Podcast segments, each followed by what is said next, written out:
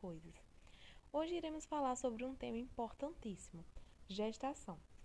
A fase da gestação e da amamentação é repleta de fragilidades e em relação à Covid não vai ser diferente. A atenção e o cuidado nesse momento precisa ser redobrado, já que a gente não sabe de nenhum estudo quanto a condições do bebê pós-exposição do vírus, e não sabemos se essa exposição durante a gravidez terá sequelas futuras para a criança. Sendo assim, é importante que os cuidados sejam redobrados, que a gente cuide de quem a gente ama, incluindo a nós mesmos. Com isso, para além disso, é necessário que de extrema importância que continue em casa, se possível sair apenas para o extremo necessário, com o período de pré-natal e consultas agendadas com o médico ginecologista. Lembrar de sempre lavar as mãos antes e depois das refeições, higienizar direitinho os alimentos assim que chegar da feira ou do mercado, as mãos antes e depois das refeições, higienizar direitinho os alimentos assim que chegar da feira ou do mercado e ao prepará-los, do jeitinho que foi ensinado já nos programas anteriores e que está exemplificado no nosso Instagram e no Facebook. As maneiras de se proteger, de que outra forma seria possível aumentar os cuidados e combate ao Covid? Isso mesmo, pela alimentação. Durante o período de gestação, você e seu bebê irão necessitar de toda assistência nutricional para que ele cresça e se desenvolva de forma saudável e para aquele que não tenha consequências no futuro. Sendo assim, é muito importante relembrar que tudo que você ingerir será passado para o seu bebê, deixando forte e garantindo todos os nutrientes necessários para ele crescer bem e desenvolver as funções ao decorrer da gestação como por exemplo o cérebro, o coração e os outros órgãos vitais.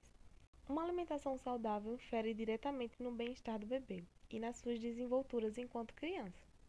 Dessa forma, é essencial que a alimentação seja variada e com uma boa quantidade de vitaminas e minerais.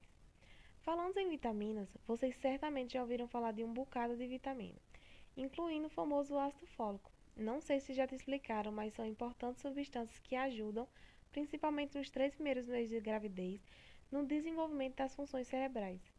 Isso quer dizer que se seu bebê tiver uma boa injeção dessa vitamina, diminuirá as chances de ter problemas futuros nem no cérebro nem na medula espinhal. E para você, mamãe, existe benefício desse ácido fólico? Sim, principalmente não deixando que você tenha anemia e, consequentemente, criando preocupações no seu bebê. Mas quais alimentos são ricos em ácido fólico? Alimentos como feijão, couve e até outros alimentos folhosos verdes. Também é possível ingerir através de frutas como abacate e mamão, além de frutas cítricas como laranja e acerola. E essas últimas ainda diminuem esse calorzão, né? Além do ácido fólico, outros compostos irão auxiliar na construção do crescimento do útero, na placenta e nas mamas, bem como no desenvolvimento do tecido do bebê. Fonte dessas proteínas são o feijão, o frango, as carnes, os queijos e o leite. Outro nutriente importante é o ferro, que irá auxiliar na formação do sangue da criança e no fortalecimento de você, mamãe, podendo ser adquirido com uma dieta rica também em feijão. Também existem outras vitaminas, como a vitamina C, que ajuda aumentando a imunidade. Há o complexo B, como B6 e B12, que irão ajudar a extrair o máximo possível de nutrientes dos alimentos auxiliando em todas essas necessidades e que são de fácil acesso, presentes nas carnes, peixes e em frutas, como bananas e cereais como aveia. Bem, esses são apenas um dos nutrientes importantes, mas existem muitos outros que podemos citar por alto, como o cálcio, que fará crescer e deixar fortes os ossos e os dentes.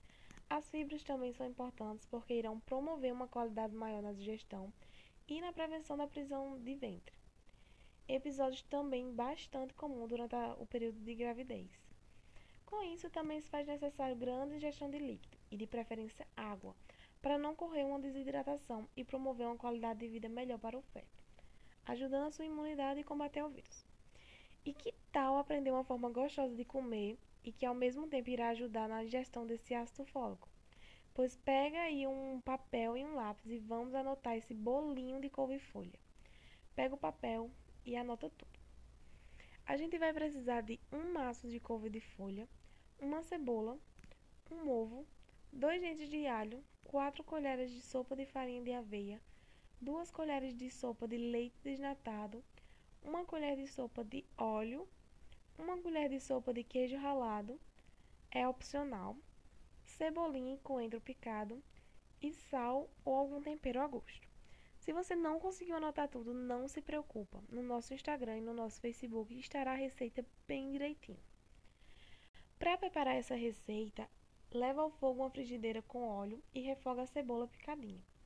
Depois acrescenta a couve, a cebolinha, o alho e refogue tudo junto por 2 a 3 minutos. E desligue até deixar amornar. Quando a couve estiver morna, coloque em uma tigela e misture com os restantes ingredientes o ovo batido, leite, a farinha e o queijo, caso deseje. Tempere a gosto com uma pitada de sal e os temperos e misture até virar uma massa compacta. Se a massa do bolinho de espinafre estiver muito mole, acrescente mais farinha.